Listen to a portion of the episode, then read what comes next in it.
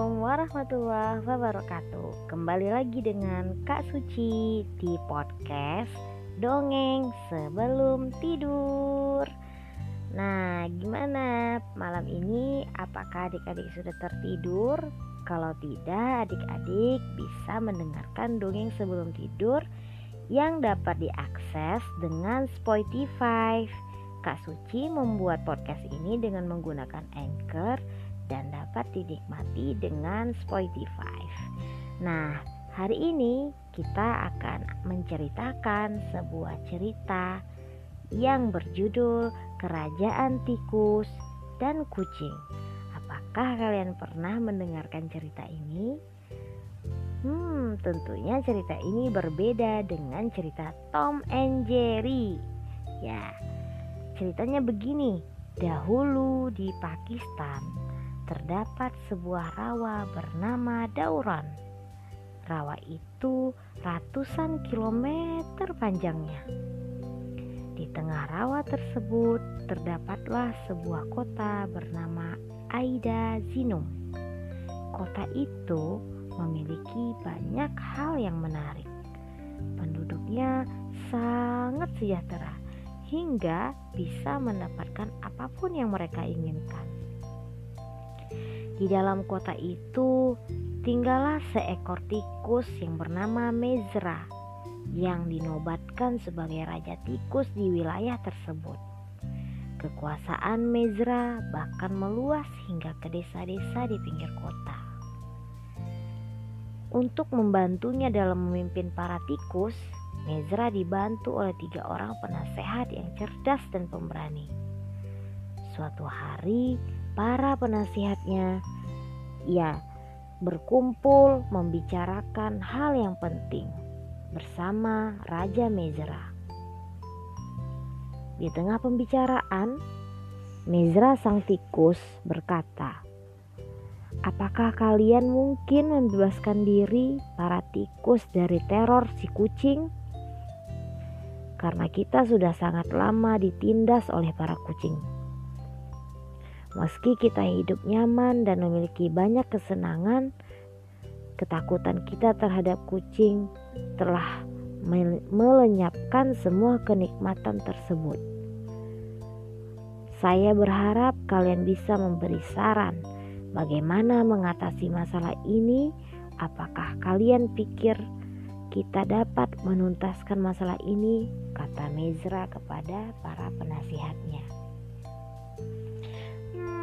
Saran saya, ujar penasihat pertama. Saran saya adalah mengumpulkan sebanyak mungkin lonceng kecil dan mengalungkan bel itu ke leher setiap kucing sehingga kita dapat mendengar mereka datang dan memiliki waktu untuk bersembunyi di lubang-lubang kita. Kata penasihat pertama. Raja Mezra pun menoleh ke penasihat kedua dan berkata, Hmm, lalu apa saranmu? Hmm, ampun Baginda, saya berpikir itu saran saran yang yang diberikan oleh penasihat satu itu kurang baik. Ujar penasihat kedua. Siapa yang berani memasangkan lonceng ke leher kucing meskipun kepa, uh, kepada seekor anaknya kucing? Tentu tidak ada yang berani memasangkan lonceng ke leher kucing maupun anaknya. Menurut saya, kita harus mengungsi untuk sementara waktu ke desa. Ketika kota kosong, kucing akan mencari ke kota-kota lain yang banyak tikusnya.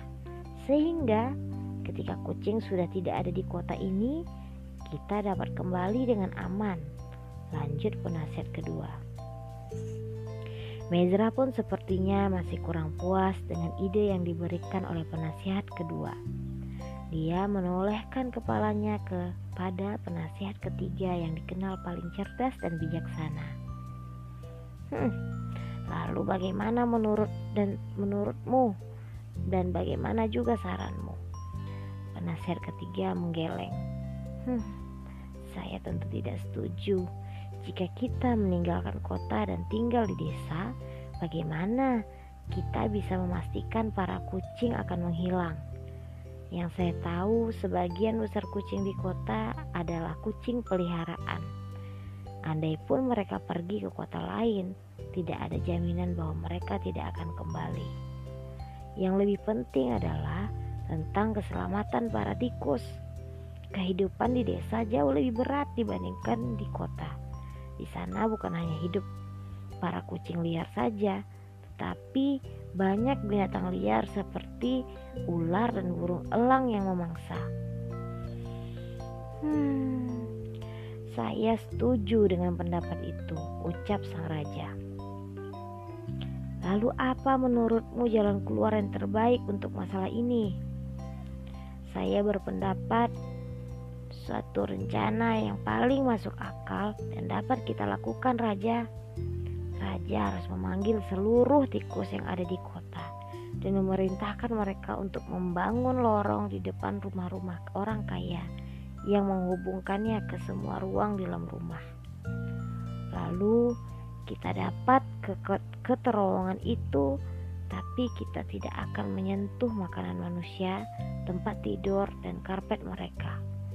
Ketika melihat kerusakan itu, kita harus merusak semua pakaian, tempat tidur, dan karpet mereka, sehingga kerusakan itu membuat para orang kaya merasa jengkel. Wah, satu kucing sepertinya tidak cukup untuk mengatasi banyaknya tikus di sini. Pasti mereka akan mengatakan demikian. Dan dia pasti akan menambah satu lagi kucing untuk mereka pelihara. Ujar penasehat ketiga. Begitu kucing ditambah, kita pun dapat menambah, menambah jumlah kerusakan.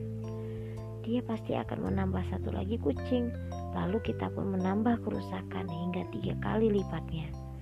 Manusia yang cerdas tentu akan berpikir, Hai, kerusakan hanya sedikit ketika aku memiliki satu kucing. Kini ketika aku memiliki banyak kucing, kerusakan di rumahku semakin bertambah. Padahal itu kan ulah kita. Jika orang tersebut mengurangi jumlah kucingnya, kita pun akan mengurangi jumlah kerusakan di rumah tersebut. Orang tersebut pasti berpikir aneh sekali ya dan lalu akan menyingkirkan satu kucing lagi. Satu kucing lain itu akan disingkirkan. Kita mengikuti dengan mengurangi tingkat kerusakan dan akhirnya tentu saja para kucing akan disingkirkan oleh para tuannya karena semakin banyak mereka akan semakin banyak kerusakan. Saat itu merupakan waktu untuk kita menghentikan kerusakan barang-barang orang kaya. Tentu para orang kaya akan berpikir, "Wah, ternyata bukan tikus yang merusak rumahku, melainkan kucing." Mereka tentu akan bercerita kepada orang lain karena mereka sangat karena mereka memiliki pengaruh yang sangat besar untuk masyarakat di kota ini. Nah, nantinya kucing akan diburu dan terus akan dimusnahkan. Raja Mezra pun mengikuti saran para penasehat ketiga. Butuh waktu tidak terlalu lama hingga tidak ada satupun kucing yang berada di kota tersebut. Bila mereka melihat lubang di pakaian mereka, orang-orang tetap yakin bahwa itu adalah ulah si kucing. Kini, jika terjadi sesuatu, mereka akan berkata, "Seekor kucing pasti telah menyelinap di rumah kita tadi malam." Seekor kucing pasti mengendap-endap di kota kita tadi malam. Dengan cara itu, para tikus benar-benar berhasil membebaskan diri dari rasa takut terhadap kucing.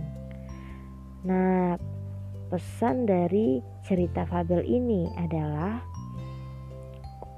untuk mencapai sesuatu, kadang kita perlu banyak melakukan hal-hal yang tidak biasa. Nah, itu dulu ya cerita kita di hari ini. Semoga Pesan dari cerita ini dapat menjadi pelajaran bagi kita semua. Sampai jumpa adik-adik dan selamat tidur semua. Dadah.